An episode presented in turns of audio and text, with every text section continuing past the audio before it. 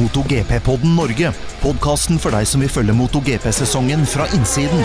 Programledere er TV-kommentatorer Stein Rømmerud og Dag Steinar Sundby.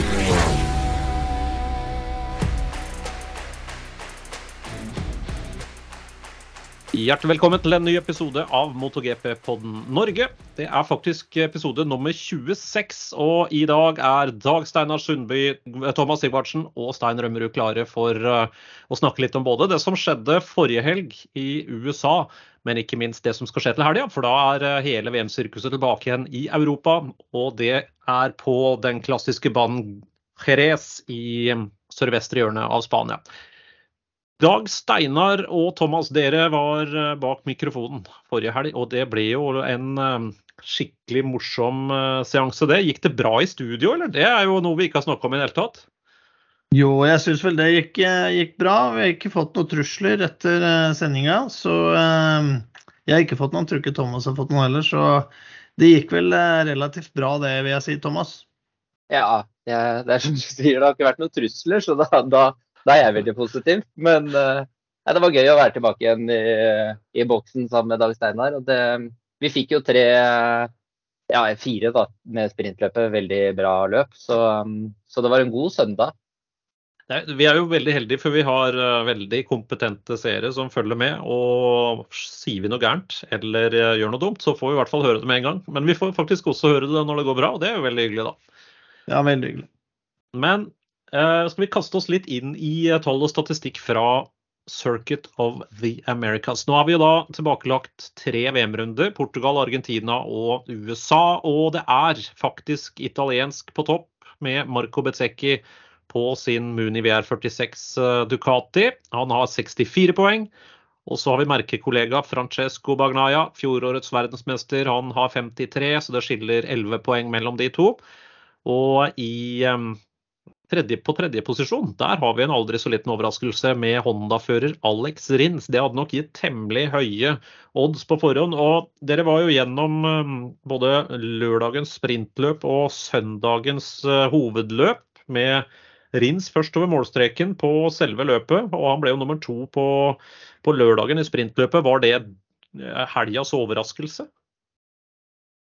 Ja, kanskje det at han skulle ta seieren og det. og eh, vi visste jo hvor bra eh, Rins har kjørt på, eh, på, den banen før. Han har vunnet alle klassene tidligere.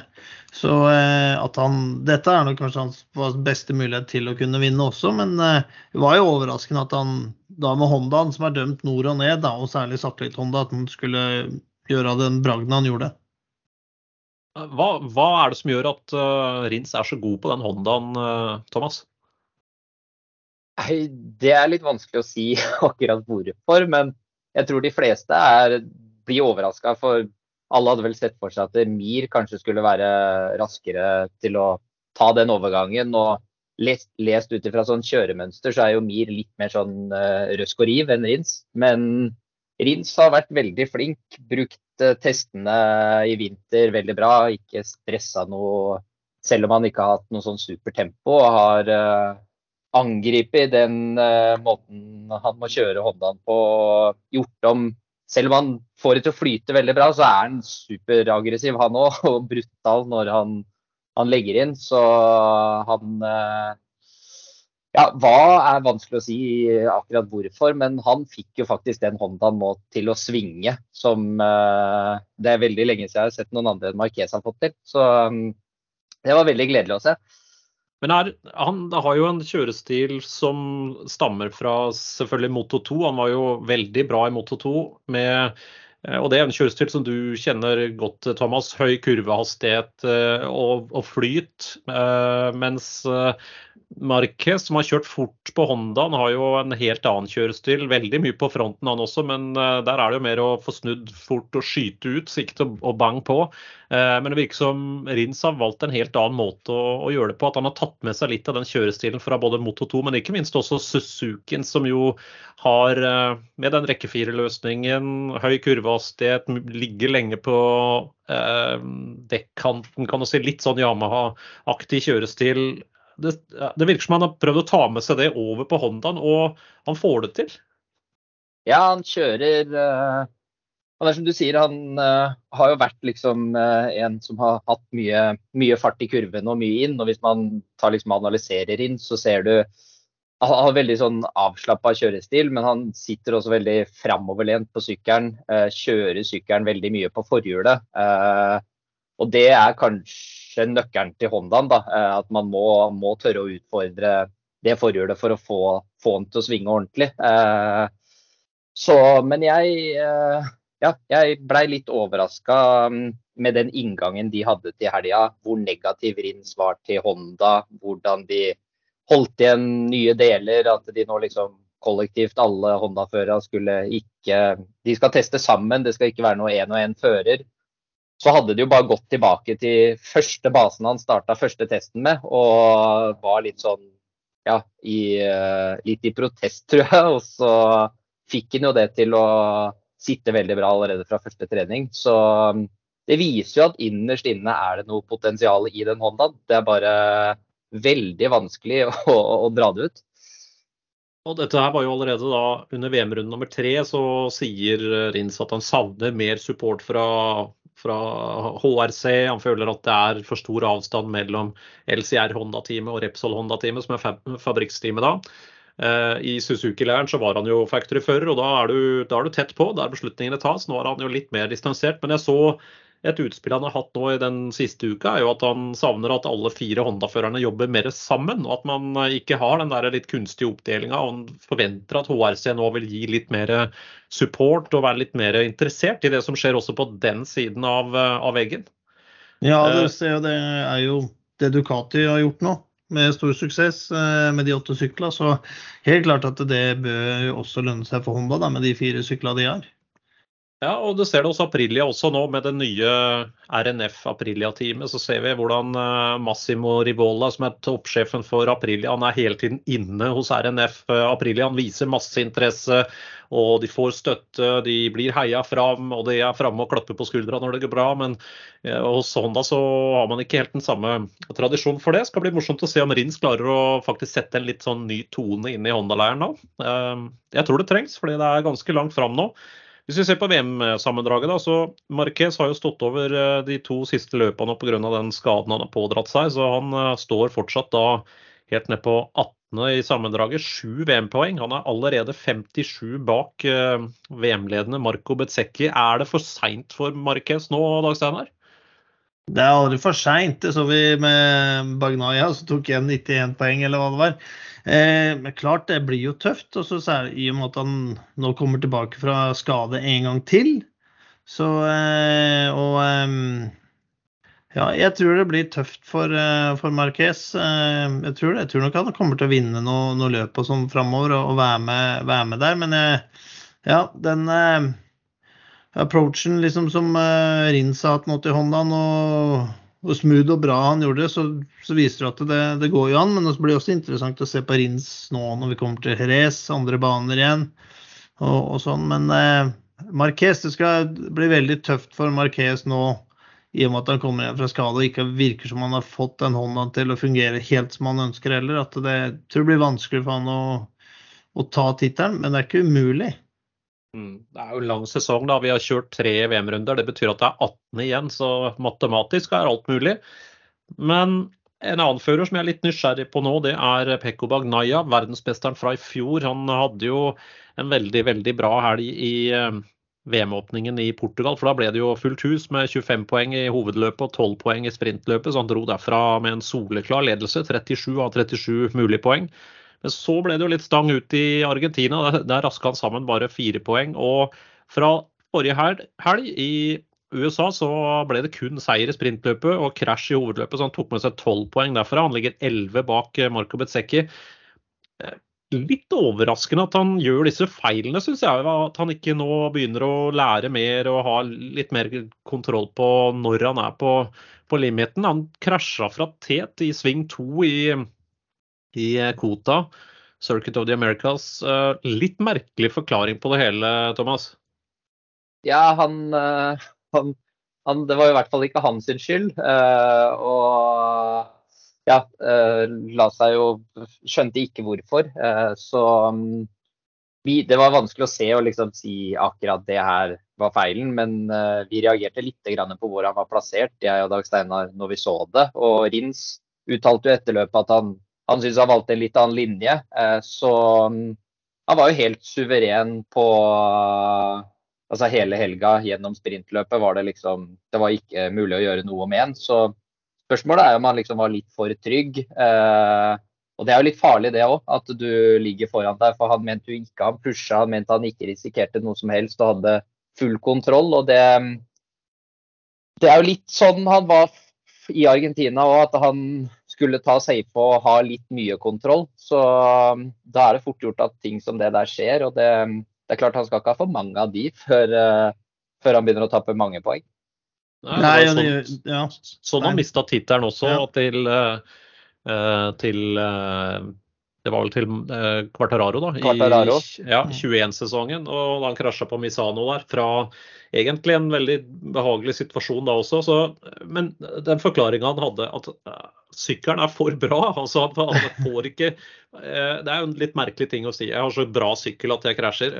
Men poenget hans er vel bare det at denne motorsykkelen her er veldig, veldig nært fullkommen. Og, men en svakhet er kanskje at den ikke gir noe voldsomt stor forvarsel. altså at er, Alt virker helt perfekt, og det virker som han har fullt grep. Og så plutselig så er det bare over. og Du får liksom ikke den som du har på noen andre motorsykler, at du liksom merker at oi, nå begynner jeg å nærme meg limit her. Jeg kjenner at nå begynner forhjulet å gå litt. Um, hva tenker du om de der forklaringene her, eh, Dag Steinar? Jeg, jeg veit ikke. Det er jo det er litt merkelig sånn at du kommer og sier at det er Én ting er 100 sikkert, det var ikke min skyld som, som fører. Når du når du ligger i front der og pusher eh, sånn da, og du kjører veldig veldig fort, du begynner å sige fra resten av konkurrentene, så eh, og hadde jo en fantastisk rytme. og Han var jo raskest hele helga og kjørte veldig, veldig fort. Og sånn som i sprinten så hadde han jo full kontroll. Så det, og de gutta her er jo så, så ekstremt på limiten. De kjører på limiten hele tida. Og så ja, det kan være snakk om 30-40 cm forskjell i inngangen med litt annen elektrisk også når det går som det gjør her. Tenk på fort og hvor ekstremt det er sånn her. Så det var litt uoppmerksom, som Thomas sa. Litt trygg, da, litt for selvsikker. Det er alltid en risiko. Det, så jeg tror det var en liten personlig glipp eh, der sånn, eh, som gjorde det, altså. Det,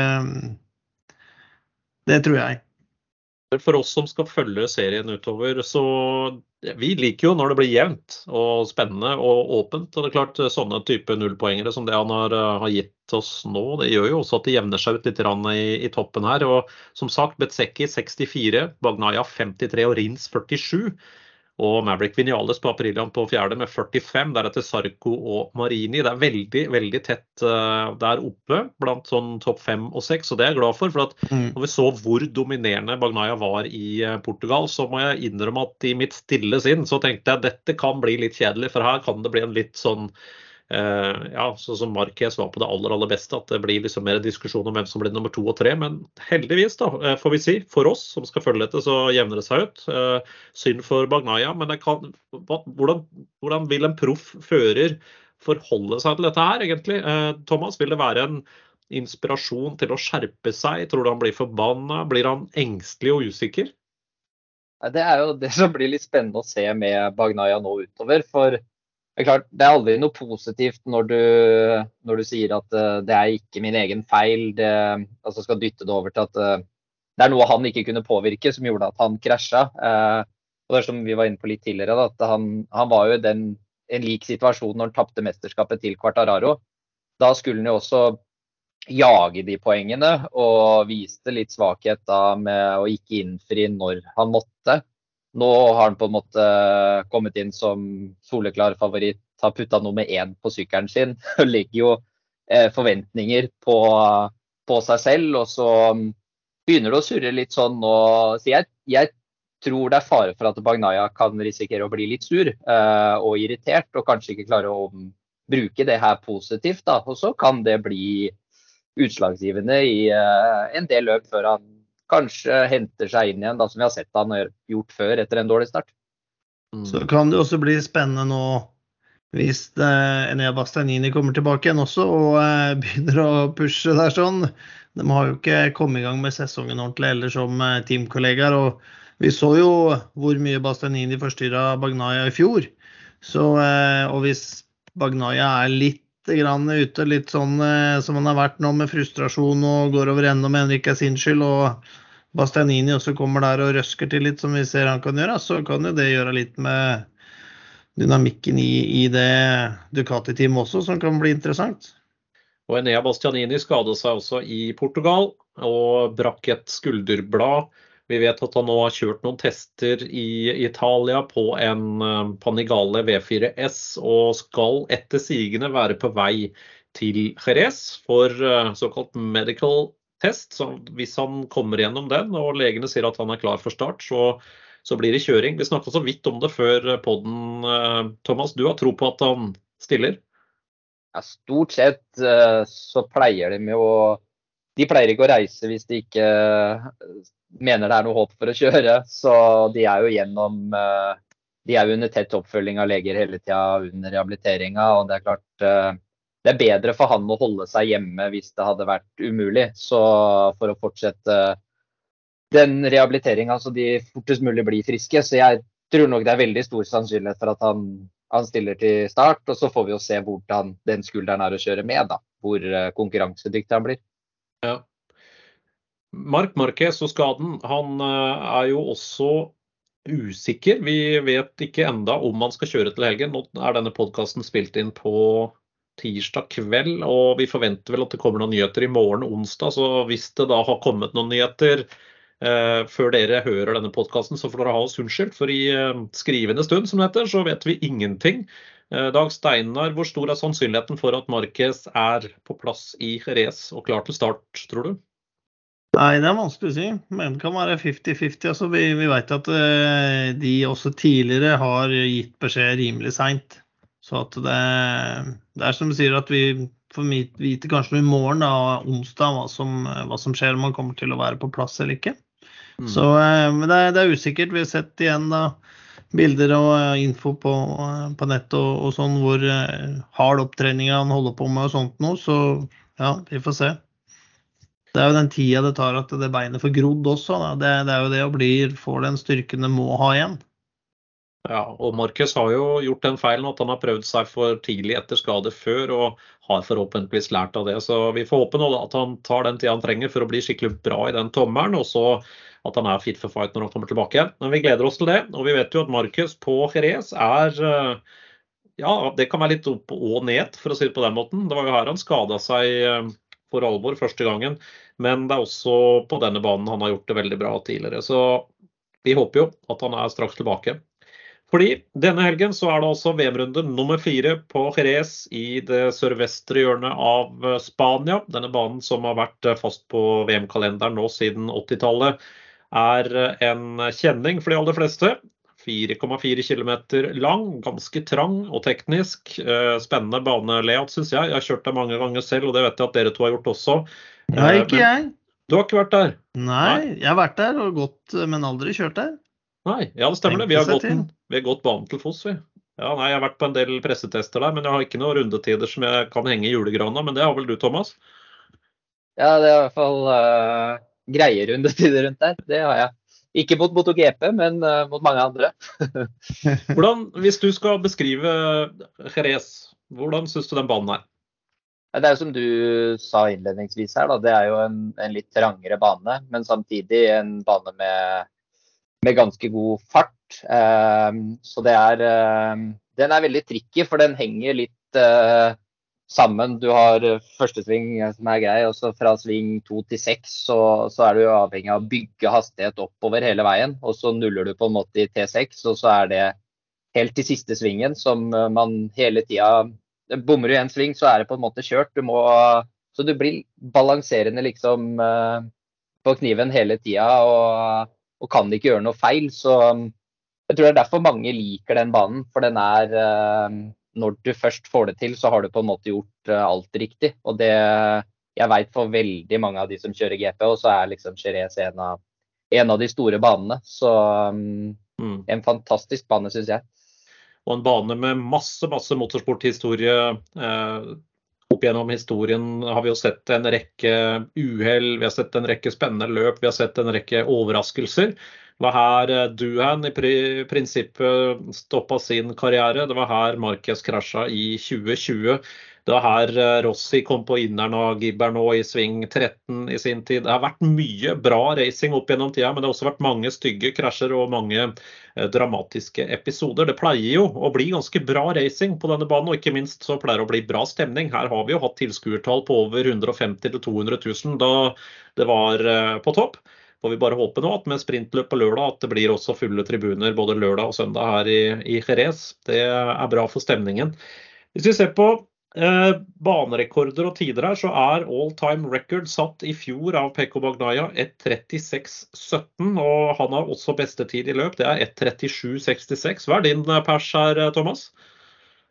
Min pers er 1.44,7 med en 600.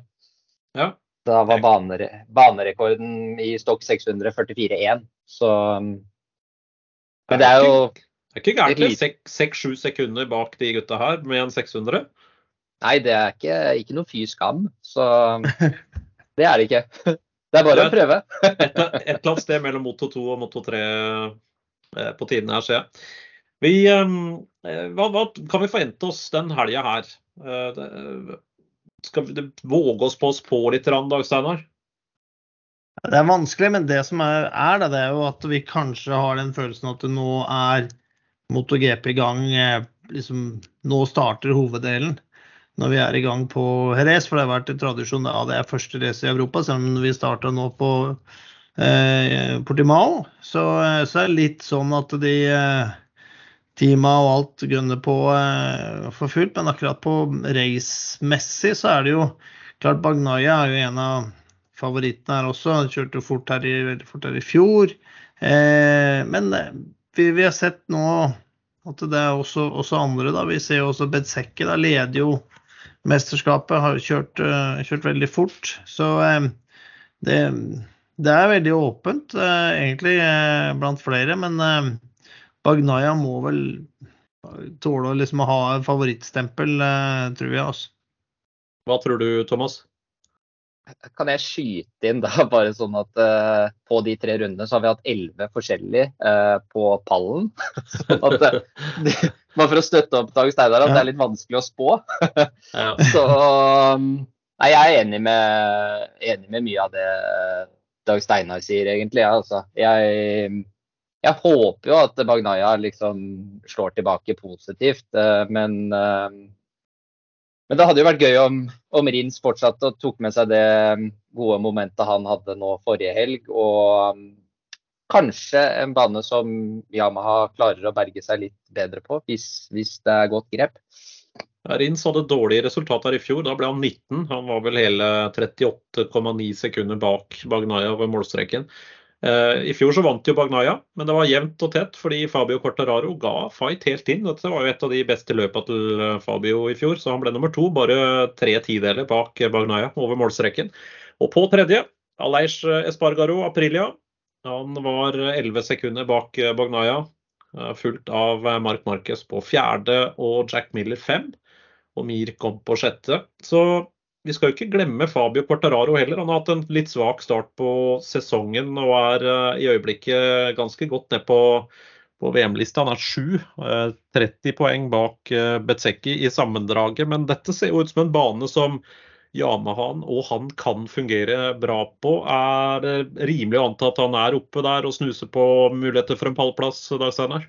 Det er jo. Han er jo der helt klart kandidat til, til pallplass. Og så det blir spennende igjen da med kvalen og eh, treningene. Trening 1 og 2 som er så viktig.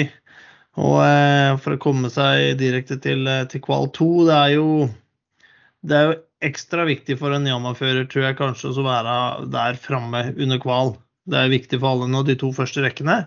Men eh, kanskje ekstra viktig for Quartararo, så han har en mulighet til å kunne stikke ut der i front og få en eh, få, eh, deler av racet med, med, frisk eh, luft på forhjulet og uh, kunne kjøre sine egne linjer. For det er ingen tvil om at han sliter jo så fort det begynner å bli en fight med f.eks. Bagnaya og det, og litt stop and go i svinga og, og sånn. Og da hvor uh, Bagnaya kan hente inn på akselerasjon, mens Quartararo generelt da må alltid hente inn på, på brems. og da, mm. da, er det fort å komme på etterskudd, og du risikerer veldig mye. Men som vi snakka om før på poden, så er jo en av styrkene til Quartararo den evnen til å holde kurvehastighet, god flyt. Og her er det jo, som du var inne på, Thomas, en del kombinasjoner der man holder mye hastighet med mye nedlegg eh, lenge. Jeg tenker jo f.eks. partiet fra sving 3 og gjennom sving 4. Du har det samme i det partiet etter eh, Dani Pedrosa-corner der med sving 7 og 8, men ikke minst de tre siste der da, med 10, 11 og 12 før innbremsinga mot 13. Det er en sånn lang høyrekombinasjon. Eh, det er vel partier der Jaman ikke nødvendigvis bør ha noe særlig handikap? Nei, det bør det ikke. Men uh, litt som vi har sett uh, tidligere, at uh, har liksom vært veldig på at det er en uh, Yama-bane, det er en Ducati-bane. Men nå, nå, har på en måte Ducati klart å, å, få til en så komplett sykkel at de får brukt også den effekten i, i litt trangere partier og, og svingkombinasjoner. Så den er uh, Men i forhold til sist løp, så vil jeg si at den layouten her er mye mer, uh, mye mer snill mot Yamaen enn ja, enn den forrige. Så og nå var jo Fabio, selv om han eh, var uheldig, krasja da ut i sprintløpet, så syns jeg det var veldig positive takter han viste nå forrige helg. Han starta jo langt bak, gjorde dårlig kval, men han hadde jo to ekstremt bra starter. Var helt oppe allerede i første svingen og viste på en måte at han, han gir seg ikke. Han uh, prøvde alt han kunne i sprintløpet og måtte kompensere så mye på brems at til slutt så gikk han over ende, men uh, hovedløpet hang han også i og gjorde en god start. Fullførte løpet ja, maks av hva han kunne få til den dagen der på den sykkelen. Så um, hvis han fortsetter uh, med den uh, motivasjonen han hadde der, så tror jeg fort han kan, kan få det til veldig bra. Mm.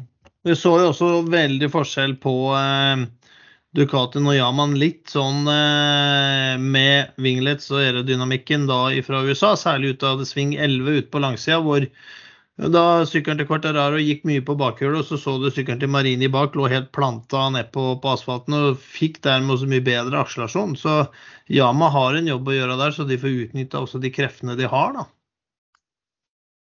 Ja, det er jo helt riktig. De, eh, nå har de jo fått sånn toppfartsmessig, er de jo ikke gærne på på den nye motoren, men det er liksom litt sånn halvveis. De mangler litt. Hvis du tar Vi prata litt om det, Dag Steinar, forrige helg. Hvis du mm. ser på både Hondaen og, og Yaman som sliter litt nå. Hvis du tar bort aeropakka, da bare vingene, så mm. ser mm. du at sykkelen er fortsatt veldig tradisjonell. Sånn kåpende. Ja. Eh, lite hull, lite sånne ja, innsvinger. Det er tar du og skreller av både på Aprilian og KTM-en og, og Ducatin, tar av vingene, så er det fortsatt aeropakke hele, hele mm.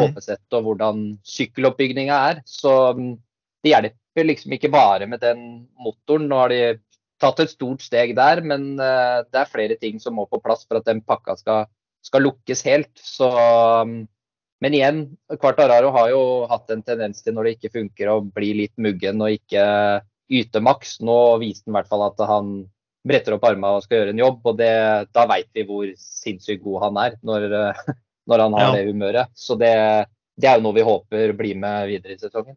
Mm. Han ble tre i, eh, i, USA også for eventuelt uh, lyttere som ikke så det løpet. Rins vant foran Marini med Quartararo på tredje og Vinales fire.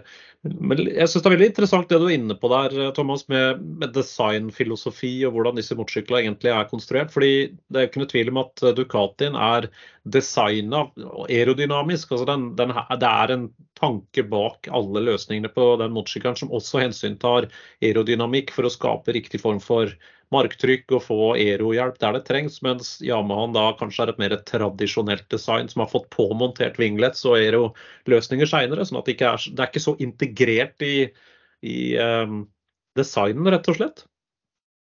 Nei, det er, uh, det er uh, veldig, veldig stor forskjell. og um, ja, når vi begynte å diskutere det og Dag Steinar og så litt nøyere på det, så er det er liksom Den Ducatien er jo den har jo noe finesse på, på altså hele kåpa. Er det et eller annet? Det er ikke én slett flate omtrent. Eh, Så de har tatt det et steg lengre der. og um, Hondaen så vi jo på preseason nå at de testa uten vinger, eh, litt for å, for å sjekke chassis. Men det er også kanskje litt av grunnen til at de, de sliter som de gjør. Da, at de, um, de, henger såpass etter på den biten der, eller mener noe helt annet enn en Ducati og de andre. Ja. ja. Og så er det litt design, som sagt. og Hondaen er jo og De japanske syklene, og særlig Hondaen, har jo vært kort og høy, som vi sier. Men det som gjelder nå, er jo lang og lav. Også pga. at det ikke er den beste matchen mellom for- og bakdekket til Michelin. Så at det fører oss med å bruke mye, mye bakbrems og bremse mye med, med bakhjula. Det så vi også på kvota. da, Når det, det traff de dumpene og bakhjulet ikke været, så plutselig så overskøyt de med 10-15 meter. De fikk jo ikke ned hastigheten. Og, ehm, og så, så, KTM har jo etter Miller kom dit, har jo også konstruert om sykkelen og lagd den så lang som de overhodet mulig kan gjøre med det chassiset de, de, hadde nå. Og det ser ut til at det fungerer, da. Mm. Han har jo jobba mye med å gjøre den motorsykkelen så lik Ducati-følelsen som ja. mulig, og det, det, ser ut til å funke veldig bra. Så her skjer det masse ting. Ja, vi så det også på, på Alexis Bargaro, da, når han eh, nå forrige helg eh, tok og dømte seg helt eh, ut, egentlig, før eh, helga. At Kota var en dårlig bane for han og Aprilian. Og så hadde de begynt å forske litt på lengden på sykkelen etter regnløpet i Argentina. Og vi så jo hvordan resultatet blei for Aprilian. Blei jo veldig bra både på kval og nå krasja han ut i hovedløpet, men uh, hvordan aprilene kom gjennom helga og Vi hadde jo aldri sett at uh, Espargaro skulle kvale så bra som det han gjorde. Så um, det viser jo bare viktigheten av disse lengdene og høydene på sykla. Mm. Det er løpshelg denne helgen også. Det starter med trening én på fredag i MotoGP-klassen 10.45. Trening to er eh, klokka 15. Det er fredagen. Og på lørdag så er det fritrening. 30 minutter. Den starter 10 over 10 om morgenen. Så er det på med kvalik. Q1 starter 10.50, Q2 11.15 og sprintløpet i MotoGP går 15.00. Alt sammen live på Viaplay. Og på søndag så er det race, og da er det Moto3-klassen som starter. Det er klokka 12. Så det er en litt annen tid enn det vi er vant til. Moto 2 starter 13.15 og MotoGP starter 15.00. Det er sendetidene, så ca. en time senere enn det vi er vant til på de europeiske VM-rundene også. Så det må alle bare merke seg. Vi vet ikke hvem som kommer til å vinne eller ta pallplasser, men det vi vet er at det kommer til å bli bra racing og sikkert også en del overraskelser nå. Det bør rulles ut stadig nye løsninger og mye, eh, mye utviklingsarbeid pågår i eh, øyeblikket. Eh, Dag Steinar, du var så vidt inne på det, dette med favoritter her ehm, eh, og skader. Vi har vel ett skadeopphold som vi vet om. Pål Espargaro, han er ikke klar ennå.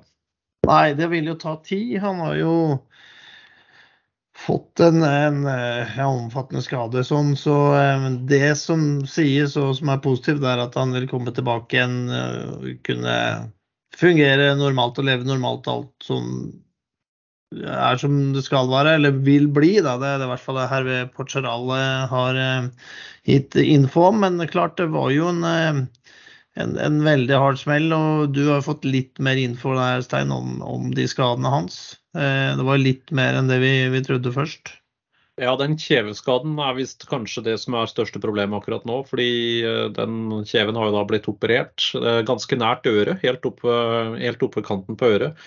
Og visstnok også han hadde litt nedsatt hørsel en periode pga. det, hevdes det. Og de måtte også, for å få dette, for å skrudd sammen dette, så måtte man fjerne noen jeksler. Så han har også fått fjerna tenner og satt inn kunstige tenner i kjeven her. Så det var nok en ordentlig, ordentlig smell. Og I tillegg da disse eh, ryggbruddene han hadde, så tar det selvfølgelig tid før han er tilbake. Og jeg blir overraska hvis vi ser han på denne siden av sommeren. Jeg tror ikke det er særlig realistisk. Men disse gutta her de er ikke helt skrudd sammen som oss eh, andre vanlige motorsyklister, så hvem vet? Det kan jo få noen overraskelser der. Jeg bare håper at han ikke prøver eh, på comeback før han er 100 eh, Nei, jeg tror vel kanskje at jeg også venter litt med det.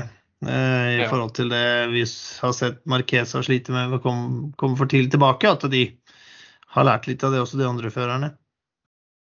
Men det betyr jo at det er en mulighet til da, for Jonas eh, Folger, som er reservefører i eh, Gassgass eh, Factory Racing Tech 3 KTM, som det heter, dette teamet. Han tok jo VM-poeng i comebacket sitt. Han ble nummer tolv i USA. Det var jo ikke så verst. Nei, det var jo sterkt å ta poeng. Nå var jo dessverre mannefallet enormt høyt i, i det racet. Var jo veldig utfordrende å få føra og få det til å fungere og holde seg på hjula, da, samtidig som pusher da, på, på kvota med alle de dumpene. Forskjellig asfalt, dårlig grep, bra grep. Så ja, det endte jo med at de som kom i mål, de fikk poeng. Det er helt sikkert. Det var 13 stykker bare som fullførte. Så både Bradel, Nakagami, Mir, Bagnaya, Miller og Fernandes eh, var ute. Sammen med Alex Marquez og Leiche Spargaro og Jorge Martin. Så det var eh, mange førere som ikke kom til mål i eh, Circuit of the Americas og USA. Da skal vi runde av. Vi gleder oss til helgens VM-runde. Tar gjerne imot spørsmål til sendingene, og gjerne også forslag til temaer som vi kan komme innom. Send det på mail til stein. Kan gjerne ta imot lydfil også, så kan vi legge inn spørsmålet deres som, um, som lydfil i podkasten. I så fall så ikke gjør det for langt. Da gjenstår det bare å takke for oss her fra MotoGP-podden Norge, og gleder oss til helgens uh, VM-runde fra Spania. Ha det bra. Du har hørt MotoGP-podden Norge med programledere Stein Rømmerud og Dag Steinar Sundby.